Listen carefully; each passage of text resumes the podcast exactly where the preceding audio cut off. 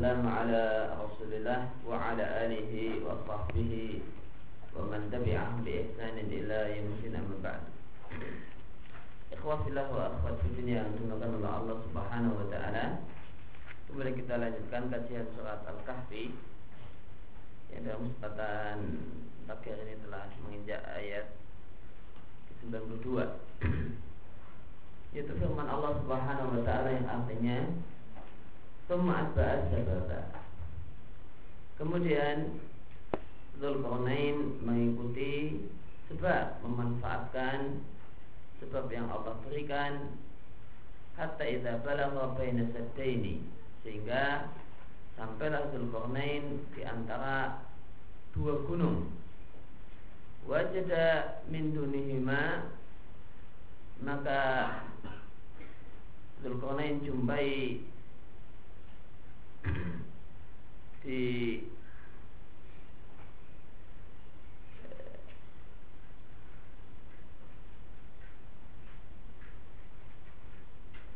sebelum gunung tersebut kauman sekelompok orang la yakaduna hampir-hampir mereka tidaklah yafqahuna qaula paham dengan perkataan orang lain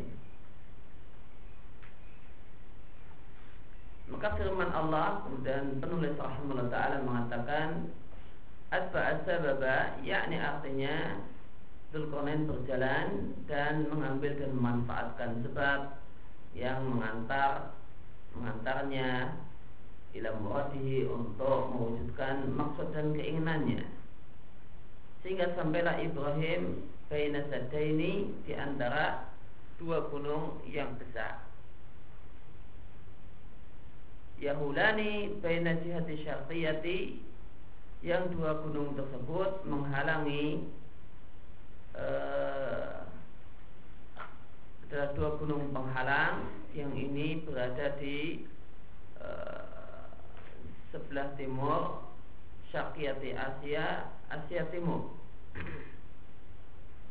Wajiatil Gharbiyah menghalangi antara sisi timur dan sisi barat dari e, timur Asia atau Asia Timur.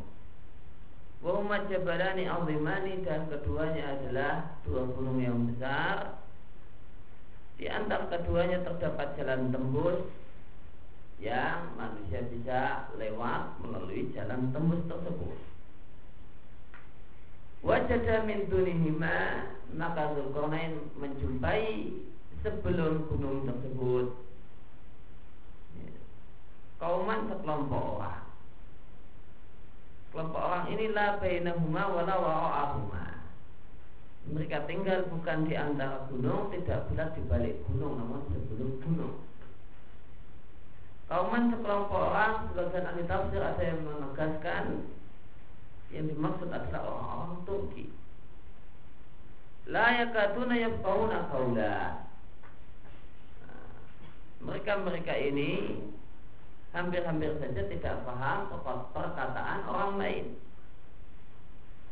Berkaitan dengan ayat ini terdapat dua cara baca. Kalau memakai riwayat hafaz yang ada di mushaf maka la yafqahuna qaula.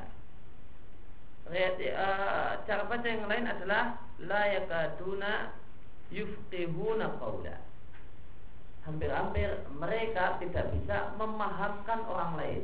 Jadi orang lain nggak paham ucapan mereka. Perbedaan antara yufkihuna kaula dan yafkahuna kaula adalah jelas. Yafkahuna kaula artinya mereka tidak paham perkataan orang lain. Orang yang di luar sukunya jika bicara dengan mereka mereka nggak paham.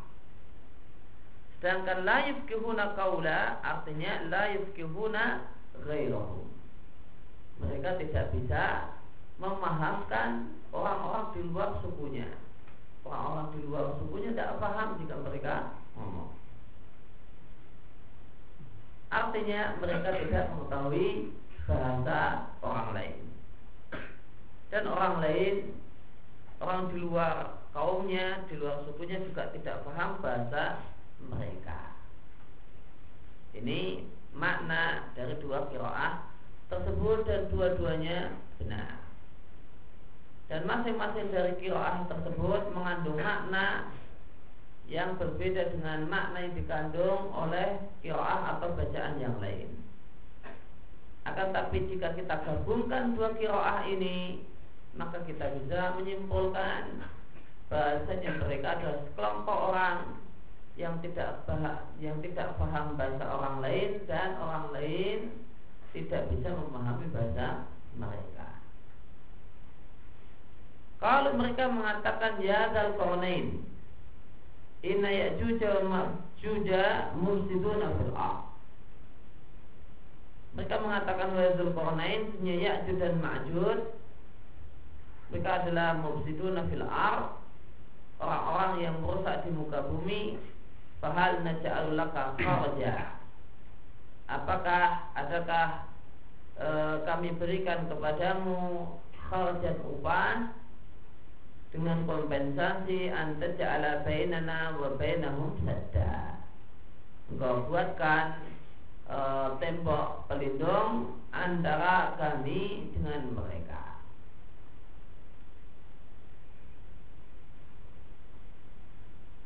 Maka di sini Allah mengatakan kalau mereka berkata kepada Zulkarnain maka ketika membaca ayat ini ya kau iska kita mengalami kebingungan. Kenapa? Bukankah di ayat sebelumnya Allah katakan la yakaduna yafqahuna qaula mereka tidak bahasa tidak paham bahasa orang lain Kemudian setelah itu Allah menukil dari mereka bahasanya mereka berbicara dengan Zulkarnain dengan bahasa yang jelas dan fasih yang bisa dipahami oleh Zulkarnain. Gimana ini? Ayat sebelumnya mengatakan bahasanya mereka tidak paham bahasa orang di luar sukunya. Kalau sekarang di ayat 94 mereka berdialog dengan Zulkarnain. Maka jawaban Kebingungan ini adalah sangat mudah sekali Yaitu Zulkarnain adalah seorang yang Allah berikan badannya kerajaan yang besar. Maka Zulkarnain itu membawa para penerjemah eh, Yang e, diketahuilah dengannya apa yang e, diinginkan oleh Zulkarnain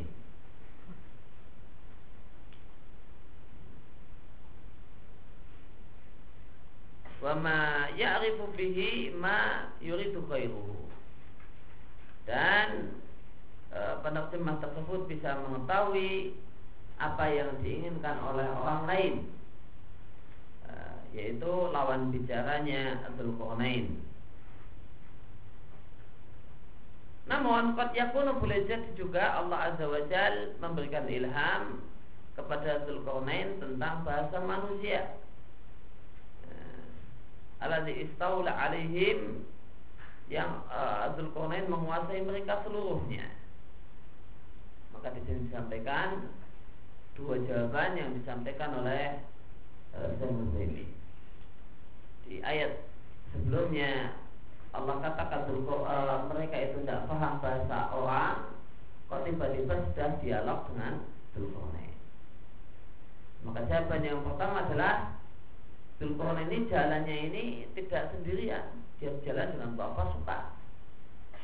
Dengan bawa banyak orang Di antara yang dibawa oleh Zulkarnain adalah eh, Para pakar-pakar bahasa. Para mutarjimin Maka diterjemahkanlah bahasa mereka ini ke satu bahasa yang dengan itu Zulkarnain faham maksud orang yang diajak bicara dan mereka paham dengan apa yang dimaksudkan oleh Zulkarnain. Yang kedua, boleh jadi Allah Subhanahu wa taala mengilhamkan Zulkarnain untuk menguasai berbagai bahasa. Ya. Maka bahasa kaum ini dikuasai dan diketahui oleh Zulkarnain. Karena ingat Allah tidak mengatakan bahwasanya mereka tidak paham bahasa manusia. Namun layak baduna hampir-hampir tidak paham. Ya hampir-hampir tidak paham. Bukan tidak paham sama sekali. Bisa paham namun sulit. Banyak hanya orang yang sedikit orang saja yang tahu bahasa mereka. Boleh. Jadi Zulkarnain menjumpai orang sedikit itu. Kalau ya Zulkarnain, mereka mengatakan wahai Zulkarnain. Al-Muhim yang penting mereka berbicara kepada Zulkarnain dengan bahasa yang jelas. Kalau ya Zulkarnain Wahai Zulkarnain Mereka memanggil Zulkarnain dengan gelarnya Ta'ziman lahu sebagai bentuk penghormatan kepada Zulkarnain Inna Ya'juj wa Ma'juj mufsiduna fil ard Sesungguhnya Ya'juj dan Ma'juj adalah orang-orang yang merusak di muka bumi. Maka Ya'juj dan Ma'juj sudah ada sejak masa silam. Ya'jud dan Majud adalah dua kabilah dari Bani Adam Dari keturunan manusia Dari keturunan Adam. Bagaimana dalam hadis yang sahih dari Nabi Sallallahu Alaihi Nabi Wasallam ketika berbicara kepada para sahabat Bahasanya Allah Subhanahu Wa Taala memerintahkan Adam pada hari kiamat sebagai berikut. Wahai Adam maka Allah mengatakan baik maka Adam mengatakan baik wa sa'dai. Aku penuhi panggilanmu ya Allah. Wal khairu fi yadai. Dan kebaikan ada di dua tanganmu. Maka di sini dalil menunjukkan bahasanya tangan Allah ada dua dan di sini dalil menunjukkan bahasanya Allah berbicara dengan hamba-hambanya. Ya Adam dan firman Allah itu memiliki suara dan memiliki huruf. Fayaqal kemudian Allah mengatakan Akhid ba'danar Wahai Adam Keluarkanlah dari keturunanmu Yang merupakan rombongan masuk neraka Ada bertanya Bahwa ba'danar Dan Ya apa itu rombongan? E, masuk neraka. Qal maka Allah katakan mingkuli alfin tis umiatin wa tis'atan wa tis'aina maka Allah katakan dari seribu keturunanmu maka 999 di antaranya adalah rombongan menuju neraka. Fa'indahu maka pada saat itu Yasibu Sohir Maka anak kecil pun langsung beruban Dan e, melahirkanlah Kuludati hamlin hamlaha Semua perempuan yang hamil. Watawana sukara Dan kau lihat manusia sempoyongan Seperti orang mabuk sempoyongan Wamahum bisukara Padahal mereka tidak mabuk. Tidak mabuk. Walakin adaballahi syadid. Akan tapi mereka sempoyongan karena siksaan Allah yang demikian keras. Maka mendengar sabda Nabi Shallallahu Alaihi Wasallam ini Fastadda dalika alaihim Maka ini terasa berat bagi para sahabat Kalau para sahabat berkata kepada Nabi Shallallahu Alaihi Wasallam Ya Rasulullah wa ayuna dalikal wahid Siapakah di antara kami, di antara kita yang menjadi satu yang masuk surga dari 999 yang dimasukkan neraka. Qal maka Nabi Shallallahu Alaihi Wasallam menghilangkan kesedihan para sahabat dengan mengatakan Abshiru bergembiralah kalian. Sesungguhnya di antara kalian ya, di antara kalian itulah yang satu ya, sedangkan dari Ya'jud dan Ma'jud itu seribu. Maka e, dari seribu manusia Ya'jud dan Ma'jud dan non Ya'jud dan Ma'jud maka 999 nya itu dari Ya'jud dan Ma'jud itu masuk neraka dan yang satunya lagi masuk surga. Maka ini menunjukkan bahwa Ya'jud dan Ma'jud adalah manusia biasa. Bagaimana umumnya manusia keturunan Adam. Kemudian di sini menunjukkan betapa banyaknya Ya'jud dan Ma'jud. Perbandingan antara Ya'jud dan Ma'jud dengan non Ya'jud dan Ma'jud adalah ya, satu banding 990 bila? Ini banyak sekali. Jumlah Ya'jud dan Ma'jud wah biasa banyak. Maka kemudian uh, Nabi mengatakan waladhi nafsi demi Allah zat yang jiwa pada di tangannya ini arju antakunu rubu'a ahli jannah. Ini aku berharap kalian umat Muhammad Sallallahu Alaihi Wasallam adalah seperempat penghuni surga. Sampai akhir hadis di akhir hadis dikatakan bahasanya aku harap kalian adalah setengah penduduk surga. Maka setengah penduduk surga adalah dan umat Muhammad Sallallahu Alaihi Wasallam. Setengah yang lainnya dibagi untuk para nabi-nabi terdahulu. Diatkan oleh Bukhari dan Muslim.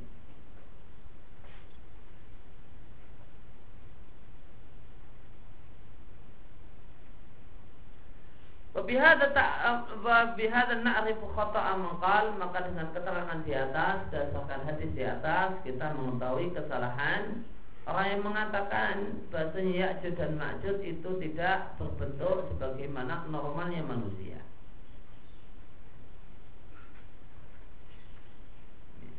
Ada sebagian mengatakan bahasanya sebagian Ya'jud dan Ma'jud itu adalah sangat cebol fi ghayati ma qisar. Ya, sangat cebol. Namun sebagian Ya'jud dan Ma'jud fi ghayati ma tul. Sangat panjang Dan sebagian Ya'juj dan Ma'juj itu punya telinga yang bisa jadi hamparan tidur.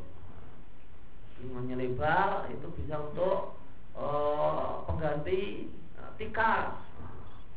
Bisa untuk tiduran.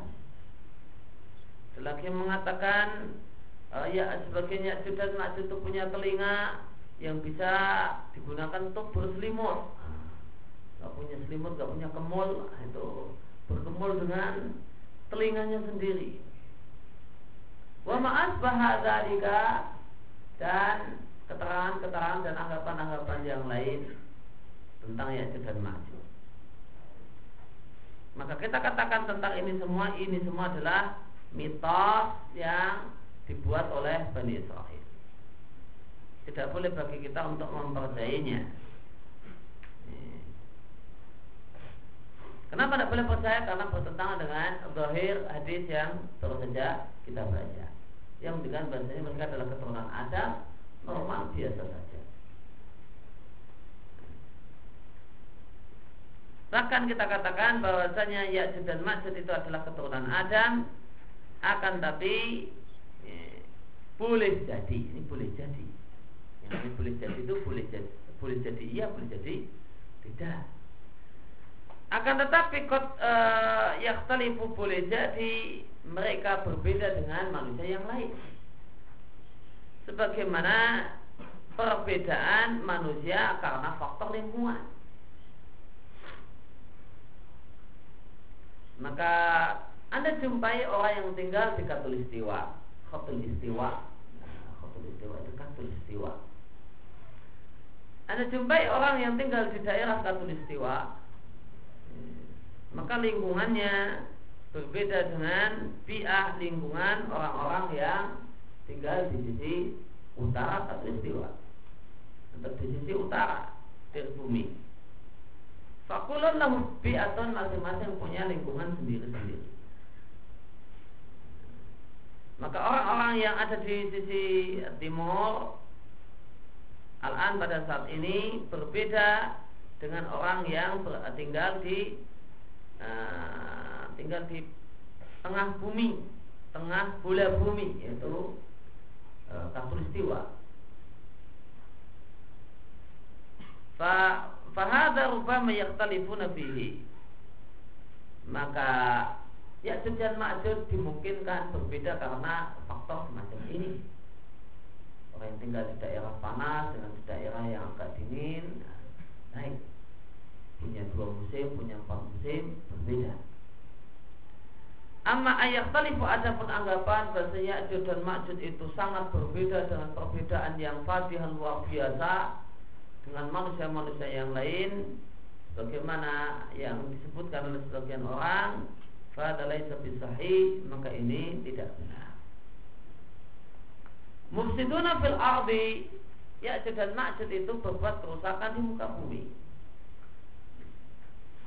yang namanya merusak muka bumi itu kalimat yang umum ya, mencakup segala sesuatu yang tidak baik ya, dan segala sesuatu yang tidak memperbaiki. Maka mereka merusak di muka bumi dalam bentuk membunuh, merampas, dan memiliki penyimpangan dalam akidah dan pemikiran, melakukan kemusyrikan dan keburukan-keburukan yang lain. Ringkasnya Eh, yang penting anak mereka sekelompok orang ini merasa perlu butuh dengan seseorang yang akan melindungi mereka dari gangguan Ya'juj dan Ma'juj. Maka mereka berikan penawaran kepada Zulkarnain. Fahal naja'alaka naja'alulaka kharjan ala an taj'ala bainana wa bainahum sadda. Wahai Zulkarnain maukah engkau aku kami beri upah dengan kompensasi buatkan tembok pelindung antara kami dengan Ya'juj dan Ma'juj sehingga Ya'juj dan Ma'juj tidak bisa menerobos ke sini dan merusak dan mengganggu kami. Yakni yang dimaksud dengan saddan adalah hajizan pembatas yang mencegah yang menghalangi kehadiran Ya'juj dan Ma'juj ke daerah kami. Lalu mereka memberikan tawaran kepada Zulkarnain. Tawarannya adalah mereka akan memberikan sesuatu kepada Zulkarnain dengan catatan Zulkarnain mau membuatkan apa yang mereka inginkan.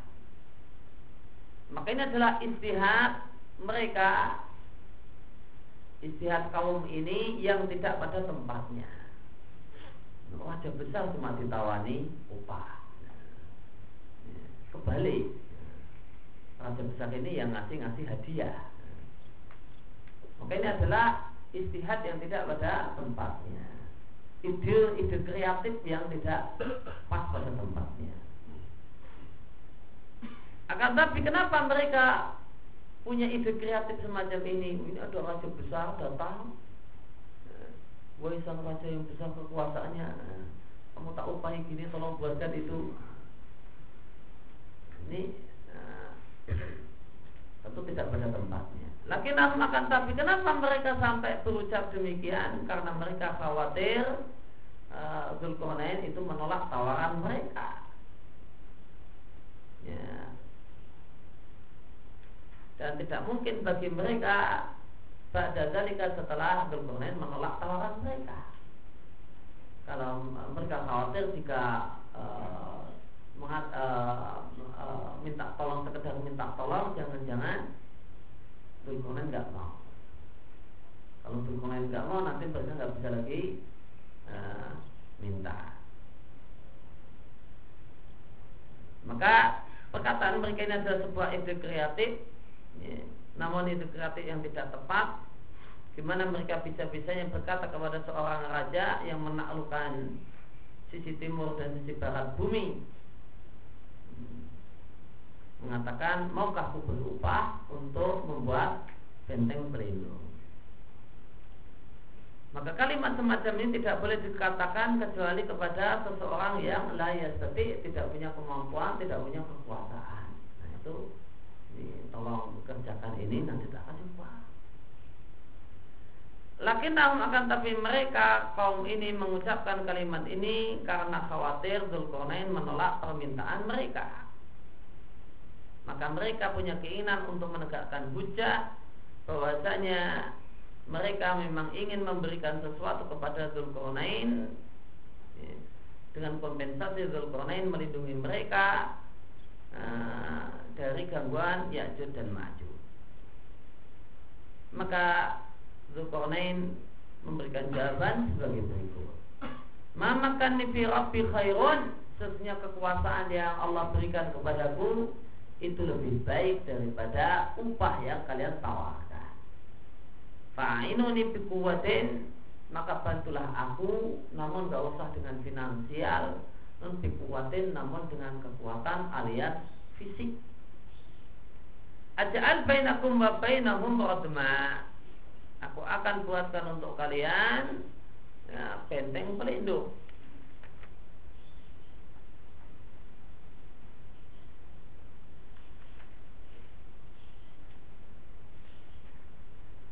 yakni artinya Allah dimakan fi Rabbi maka kekuasaan yang Allah berikan kepadaku berupa kerajaan, harta dan budak-budak pelayan dan segala sesuatu maka ini lebih baik daripada upah yang kalian tawarkan kepadaku.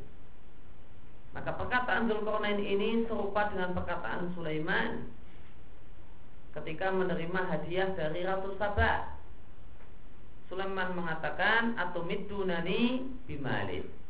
Apakah kalian mau serahkan kepadaku satu harta? Maka sungguh ya, apa yang Allah berikan kepadaku itu lebih baik daripada apa yang Allah berikan kepada kalian. Bahkan kalian adalah orang-orang yang bangga dengan hadiah yang kalian bawa. Maka ditawari hadiah Sulaiman mengatakan yang Allah berikan lebih baik. Zulkarnain ditawari upah mengatakan pemberian Allah untuk itu yang lebih baik. Maka perkataan dua raja ini, Raja Zulkarnain dan Raja Sulaiman sekaligus Nabi, yaitu Nabi Sulaiman, adalah bentuk pengakuan seorang manusia terhadap nikmat-nikmat Allah Azza wa Jalla yang karenanya maka karena mendapatkan nikmat-nikmat tersebut maka manusia atau beliau tidak memerlukan bantuan dan hadiah dan harta dari orang lain. Fa'inuni bikuwatin Maka bantulah aku dengan kekuatan badan Bukan dengan kekuatan finansial Karena Zulkarnain sudah memiliki harta yang sangat-sangat banyak Aja'al bainakum bainahum Aku akan buatkan untuk kalian ya, tembok pelindung. Artinya lebih besar daripada apa yang mereka minta. Mereka minta dibuatkan dan ya, penghalang. Nah, namun Konen mengatakan akan aku buatkan rodma, benteng pelindung. Artinya ini lebih daripada yang diminta. Fatalaba minhum maka kemudian Zulkarnain meminta kepada orang-orang tersebut Atuni zubar al hadid. Berikan kepadaku potongan-potongan besi. Hatta idha sawa baina sodafaini ya, Sehingga jika telah sama tingginya dengan dua gunung tersebut Kolan buku Maka Zulkarnain mengatakan tiuplah hatta idza ja'alahu nara. Eh, sehingga jika Dzulqarnain telah menjadikan besi tersebut menjadi api Al Dzulqarnain mengatakan Atuni berikan kepadaku Ufrik alihi kitara.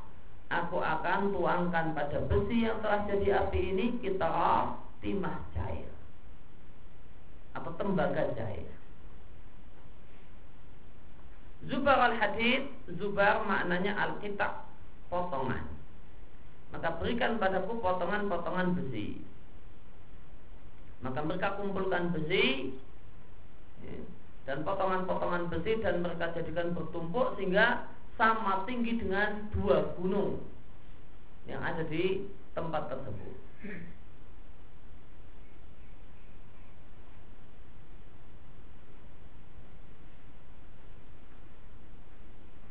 Hada dulu alal kuatil azimah.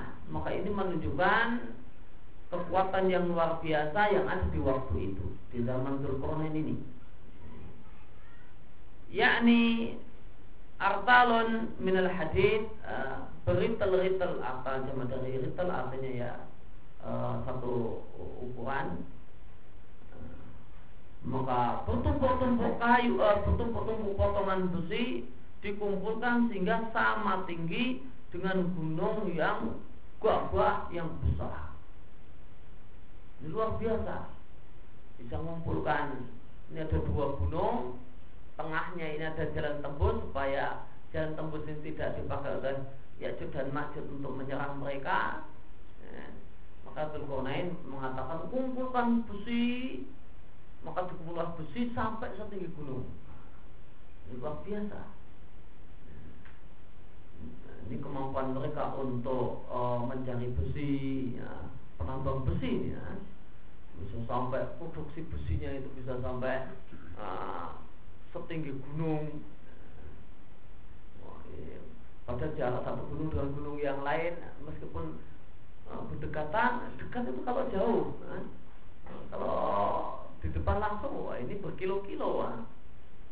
Ini setumpuk setinggi gunung ini menunjukkan kemajuan teknologi di uh, pada saat itu Hatta idza sawa baina ini. Maka jika potongan-potongan besi itu sudah sama tinggi dengan dua sisi gunung. Jani bail jabala ini, dua sisi gunung. Ini masing-masing misalnya ini sisi uh, utara, eh, sisi timur, sisi selatan dan gunung nah, ini sudah sama tingginya. Kolan fuhu maka Zulkarnain berkata kepada kaum tersebut tiuplah Artinya tiuplah besi ini Tentu yang dimaksud bukanlah tiupan dengan mulut Capek ya. Nyebul loh, nyebul pakai mulut ya. Besi lagi Liana hadza la Dari mana kita katakan tidak mungkin dengan mulut? Karena ini satu hal yang mustahil secara normal Akan tapi tiuplah dengan alat Dengan berbagai uh, muadat alat-alat yang telah disiapkan yang ada uh, pada Zulkarnain. Karena Allah telah berikan pada Zulkarnain kerajaan yang besar. Maka tiuplah api, tiuplah api ya, untuk membakar potongan-potongan besi.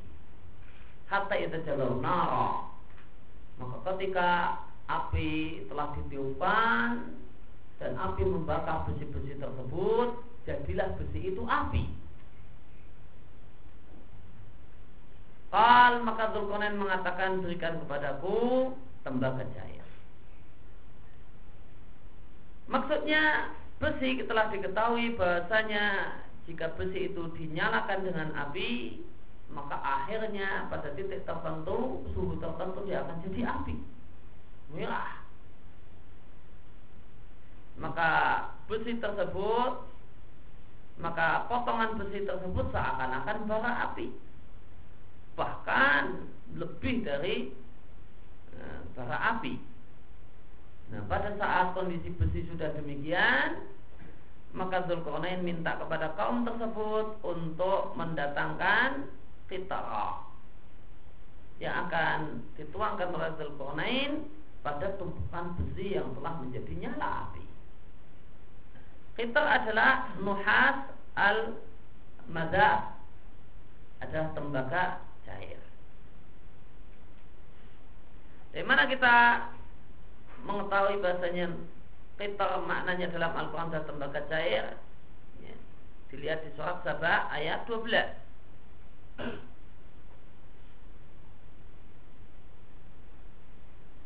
Di antara hal yang Allah berikan kepada Sulaiman, Allah katakan kami alirkan untuk Sulaiman ainal qitri mata air tembaga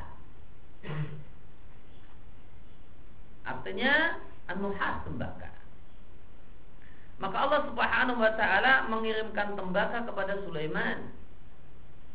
Ya. maka tembaga yang aslinya adalah dan qasian adalah tambang yang keras yang untuk mengeluarkannya dari bumi maka perlu ma'awil, perlu alat penggali, cangkul atau semisalnya, tumasang binar, kemudian perlu dicairkan dengan api, maka Allah sudah alirkan, artinya sudah Allah cairkan untuk Sulaiman ainal kita mata air, namun mata air tersebut bukan air isinya bukan aliran air namun aliran tembaga. Tinggal hidup Sulaiman itu tinggal ngambil kalau butuh tembaga. Ka'annaha ma'un seakan-akan air.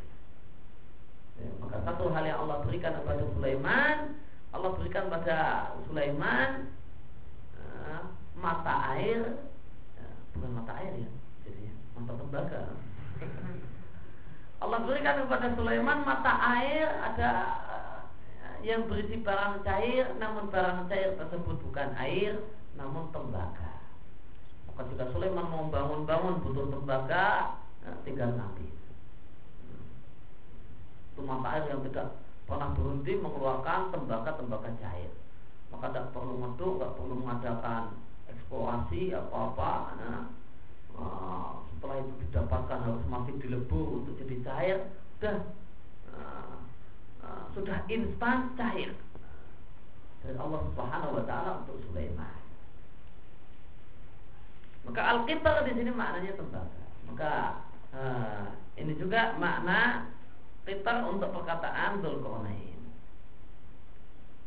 Nah, kemudian Dzulqarnain mengatakan ufrik alaihi qitara artinya akan aku tuangkan padanya ya, al-qitar tembaga fastabaka an-nuhas ma'al qitril hadid ma'aqat il hadid maka artinya uh, uh, istabaka uh, terjalinlah tembaga dengan potongan-potongan besi. Menyatulah tembaga dengan potongan-potongan besi. Maka kawian maka jadilah nah, benteng yang kokoh. Isinya besi sama tembaga. Sama tata'u ayat haruhu mas tata'u lahu nakabah maka mereka Ya'jud dan Ma'jud tidak akan mampu untuk menaikinya mendakinya tidak pula mereka akan mampu untuk melubanginya.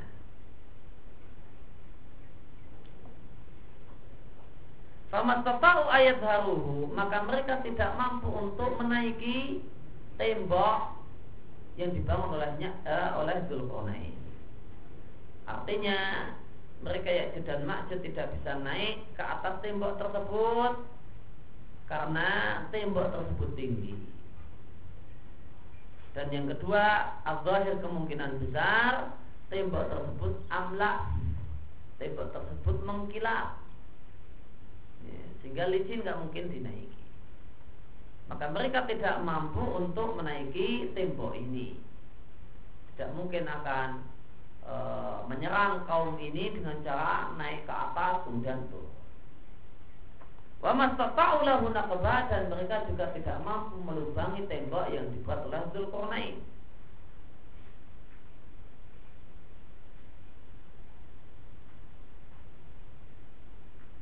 Maka berkaitan dengan naik dan menembus, melubangi, manakah yang lebih berat? Naik ke atas gunung ataukah menembus uh, besi yang telah dipasang oleh Zulkarnain. Jawabannya nembus melubangi itu lebih sulit daripada menaiki tembok ini. Sama-sama sulitnya namun lebih sulit melubangi tembok. Wamastata'ulahu nakba mereka tidak mampu untuk melubanginya. Kenapa? Karena besi ini telah dijalin, telah diikat, ditahan dengan tembaga. Maka jadilah mereka Ya'jud dan Ma'jud tidak mampu menaiki tembok ini karena tingginya dan karena mengkilapnya. Ya, dari mana keterangan mengkilap di sini? Fima. Ya, berdasarkan dohir ayat. Berdasarkan kemungkinan besar dari makna ayat. Nah, sesuatu tidak bisa dinaiki, apa sebabnya? Ya kemungkinan besar karena mutlak dan mereka tidak mampu melubanginya. Kenapa? Karena sangat keras dan kuat. Dan jika demikian jadilah tembok yang dibangun oleh Dzulqarnain ini menjadi sad dan manian tembok yang sangat kuat. Dan Allah Subhanahu wa taala melindungi kaum tersebut dari kejahatan orang-orang yang berbuat merusak di muka bumi yaitu Ya'juj dan Ma'juj. Kemudian di ayat 98 Qal Dzulqarnain mengatakan, "Hadza rahmatun min rabbi." Setelah pembangunan selesai, Dzulqarnain komentar, "Ini adalah rahmat dari Tuhanku." Faidah ja'a wa'du rabbi ja'alahu dakka'a. Jika telah datang janji Rabbu yaitu kiamat, maka Allah akan jadikan tembok ini hancur. Wa kana wa'du rabbi haqqan dan janji Rabbku, janji Tuhanku adalah janji yang benar. Qala hadha rahmatun min Rabbi. Kalimat ini diucapkan oleh Dzulqarnain setelah selesainya pembangunan tembok. Dan lihatlah hamba-hamba Allah yang saleh. Bagaimana mereka menyandarkan hasil kerja mereka tidak mereka sandarkan sebagai jerih payah mereka akan tapi mereka sandarkan kepada Allah dan anugerah Allah. Inilah orang yang tawadu, inilah orang yang beriman. Ya. Mereka sukses dengan kesungguhan, mereka bekerja keras, bersusah payah, mengeluarkan segala kemampuan. Ya. Berhasil mereka katakan ini anugerah. Tidak mudah menepuk dada, inilah saya. Ya. Siapa saya? Namun ini adalah karunia Allah. Oleh karena itu maka berkatalah Ratu Semut ketika Sulaiman datang dengan tentaranya ke lembah Semut Komat maka berdirilah si Ratu Semut memberikan ceramah dengan bahasa yang jelas ya ya namlu wahai rakyatku para semut Udkhulu masakinakum Masuklah kalian ke rumah-rumah kalian Ke liang-liang kalian. Layak timannakum Sulaiman Jangan sampai Sulaiman menghancurkan atau menginjak kalian. Wa junuduhu dan tentaranya Wahum la yash'uhun Dan mereka tidak menyadari kalau menginjak dan membunuh kalian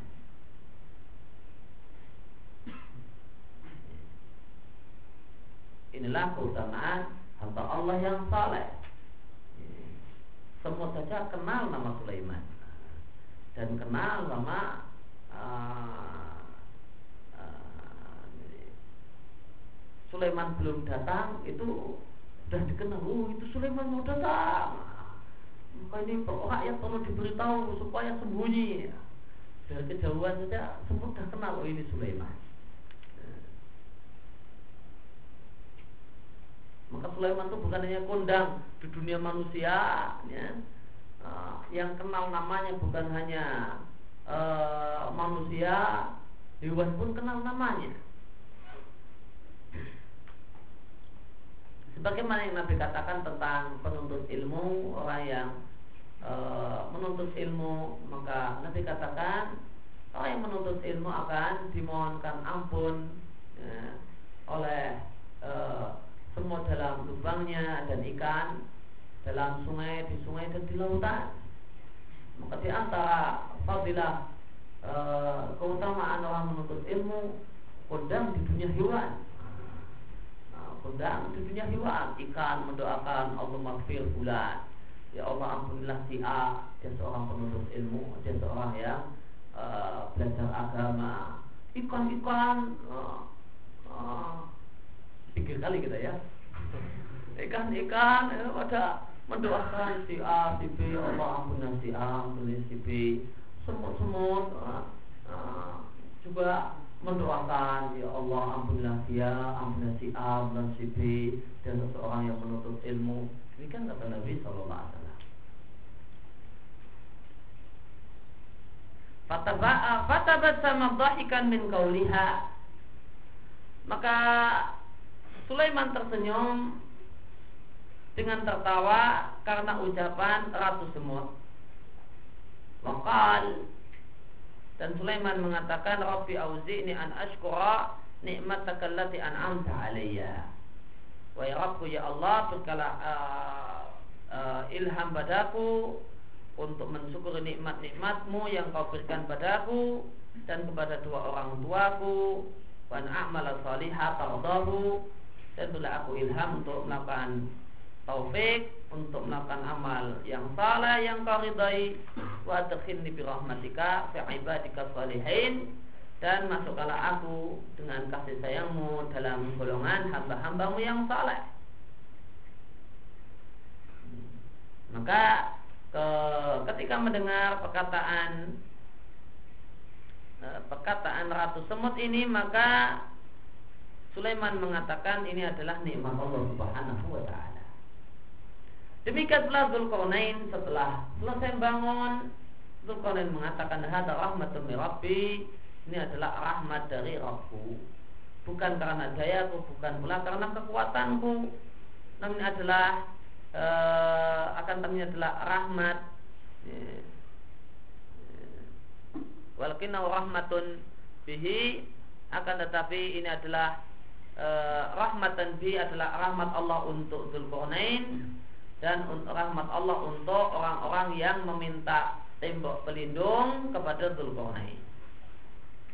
E, Maka ada satu rahmat ketika terbangunlah, terwujudlah satu tembok besar al yang kuat yang melindungi mereka dari gangguan Ya'jud dan Ma'jud. Dan kata Zulkarnain namun apabila telah datang janji Rabbku yaitu janji Allah Subhanahu wa taala bahwa kiamat akan terjadi maka akan keluarlah Ya'jud dan Ma'jud untuk merusak di muka bumi. Maka Allah akan jadikan tembok ini hancur. Artinya Allah akan jadikan tembok ini dakkan, artinya munhadaman, hancur, tamaman sempurna rata dengan tanah. Sawahu bil Maka tembok ini akan rata dengan tanah. Dan terdapat hadis yang sahih dari Nabi Shallallahu Alaihi Wasallam yang diatkan oleh Bukhari dan Muslim. Nabi Shallallahu Alaihi Wasallam mengatakan, Wailul Arab, celakalah orang-orang Arab min sarin qad karena kejelekan yang telah semakin dekat. Hari ini telah dibuka uh, Al-Yawma pada hari ini telah dibuka dari tembok penghalang Ya'jud dan Ma'jud semisal ini. Kemudian Nabi membuat lingkaran dengan jarinya yaitu jempol dan jari telunjuknya. Begini telah bolong karena e, tembok penghalang untuk Ya'jud dan Ma'jud. Artinya ya masih bolong kecil akan tapi madhar fi syak selama sudah terjadi bolong nah, maka la buddha pastilah nah, bolongan tersebut akan meluas.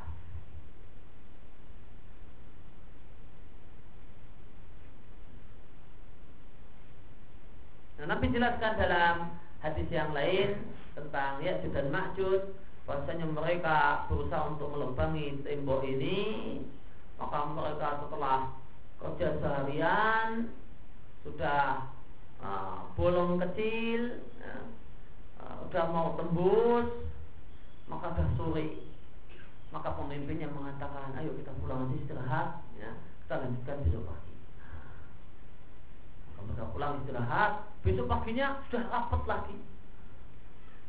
Paginya sudah rapat lagi mereka bolong lagi kerja seharian sudah mau tembus capek pulang pulang pulang besok lagi diteruskan besok lagi udah ketutup lagi. Demikian seterusnya sampai Allah sampai tibalah waktu yang Allah janjikan. Wakana waktu Rabbi haqqa dan janji Allah adalah janji yang benar. Apa janji yang Allah janjikan Jawabannya janji yang Allah janjikan adalah Allah akan keluarkan Ya'jud dan Ma'jud di akhir zaman. Yaitu setelah keluarnya Dajjal dan setelah terbunuhnya Dajjal Maka Allah akan keluarkan Ya'jud dan Ma'jud.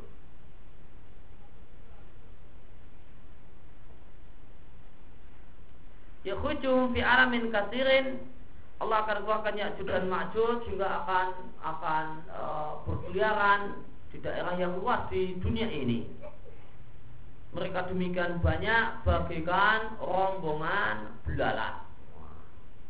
Atau bahkan lebih banyak lagi. Karena Nabi mengatakan yamur awailuhum ala buhairati tubariyah. Nah, bagian depan pasukan rombongan Ya'juj dan Ma'juj ini melewati danau Tubariyah. Lalu mereka meminum air di danau tersebut dan bagian akhir rombongan Ya'juj dan Ma'juj kemudian lewat dan mengatakan dulu di tempatnya ada air kok sudah kering ya? Sudah kering kering kontang nggak ada airnya sama sekali. Nah, padahal yang habiskan itu rombongan depan nah, rombongan paling belakang itu tinggal kering seperti jalan. Danau yang sudah hilang sama sekali. Satu tetes pun sudah nggak ada. Bekas airnya pun sudah nggak ada sehingga mereka katakan karena dulu di sini ada air. Artinya apa? Jumlahnya banyak sekali. Satu orang minum minum minum minum minum sampai satu danau habis. Nah, itu berapa orang yang minum berarti berapa juta yang minum?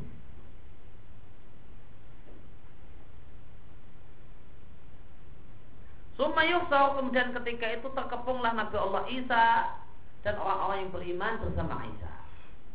Terkepung di Gunung Tursina di Mesir sana.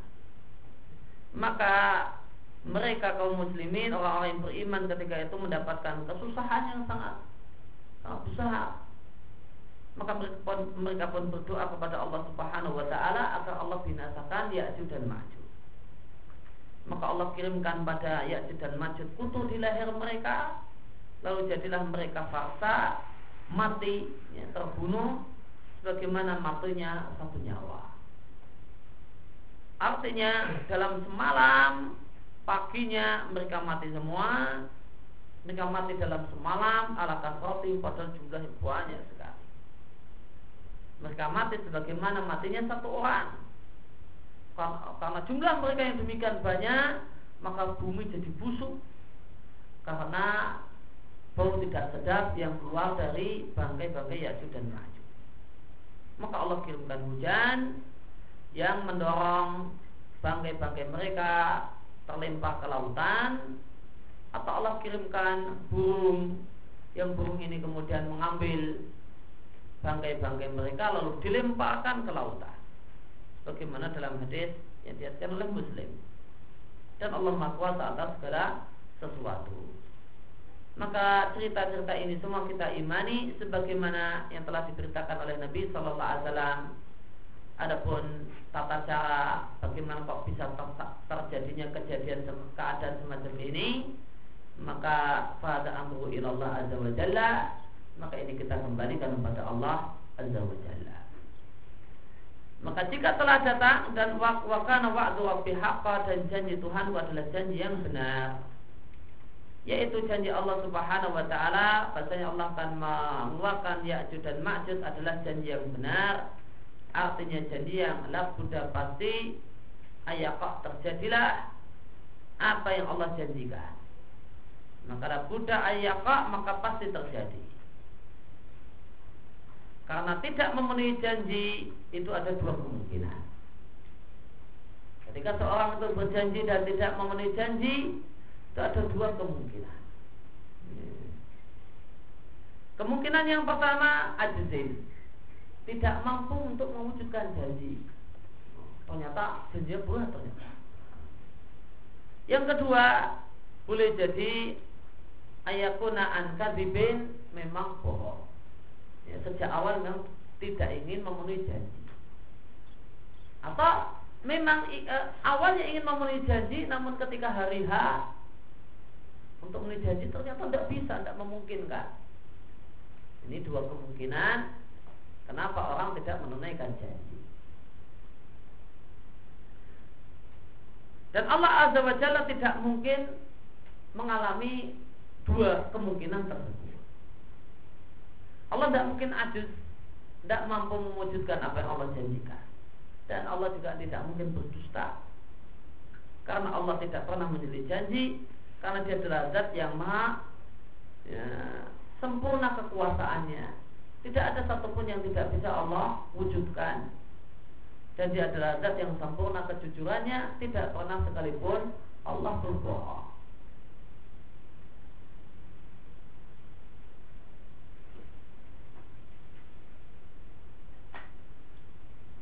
Maka dari kisah uh, Zulkarnain ini ada uh, ada pelajaran di antaranya adalah uh, tadi uh, kaum tadi menawari Zulkarnain untuk diupai dengan cara uh, buatkan tembok. Maka ini menunjukkan disyariatkannya satu transaksi namanya uh, ja'alah. Satu transaksi dalam Islam yang dibenarkan dalam Islam itu transaksi ja'alah. Ja'alah itu semacam sayembara. Semacam sayembara. Jadikan tembok nanti tak kasih upah sekian. Namanya ja'alah. Rumah, uh, rumah saya rusak misalnya tolong perbaiki gendang rumah saya uh, kalau sudah selesai terserah selesainya mau uh, mau sejam boleh mau dua jam boleh mau sehari boleh dua hari boleh pokoknya kalau selesai tak kasih sekian ini namanya transaksi ja'alah ini transaksi yang ditawarkan oleh kaum tadi kepada uh, kepada Zulkarnain. Maka di antara transaksi yang dibolehkan oleh syariat adalah transaksi ja'ala. Ya kalau bahasa tukang ini namanya apa? Bohongan. Ya, namanya bohongan. Kalau orang mengerjakan tukang di rumahnya, maka kalau pakai sistem bohongan itu namanya transaksinya ja'ala. Jadi kalau pakai harian ya itu transaksi namanya ijarah sewa uang ya, orangnya disewa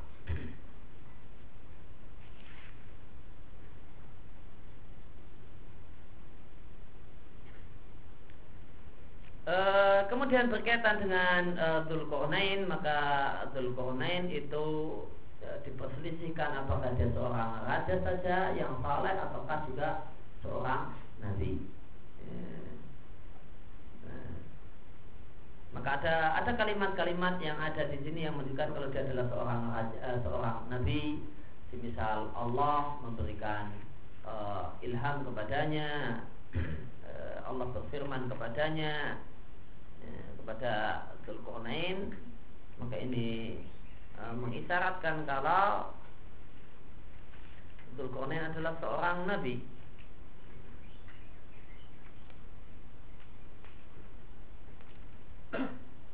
Semisal di ayat 86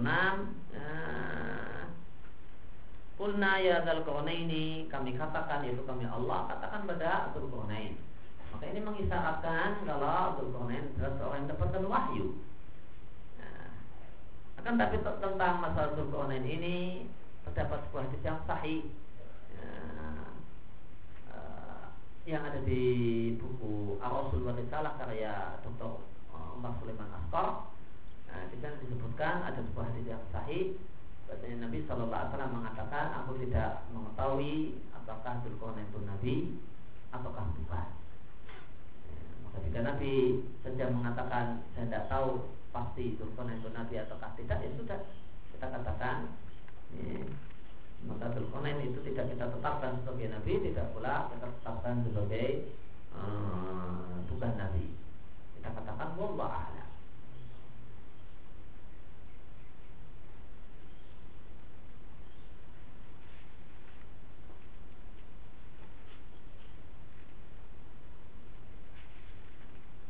Demikian yang kita baca kesempatan pagi hari ini Wassalamualaikum ala nabi Muhammad wa ala alihi wa sallam Wa ta'ala alhamdulillah wa alamin Subhanaka Allahumma wa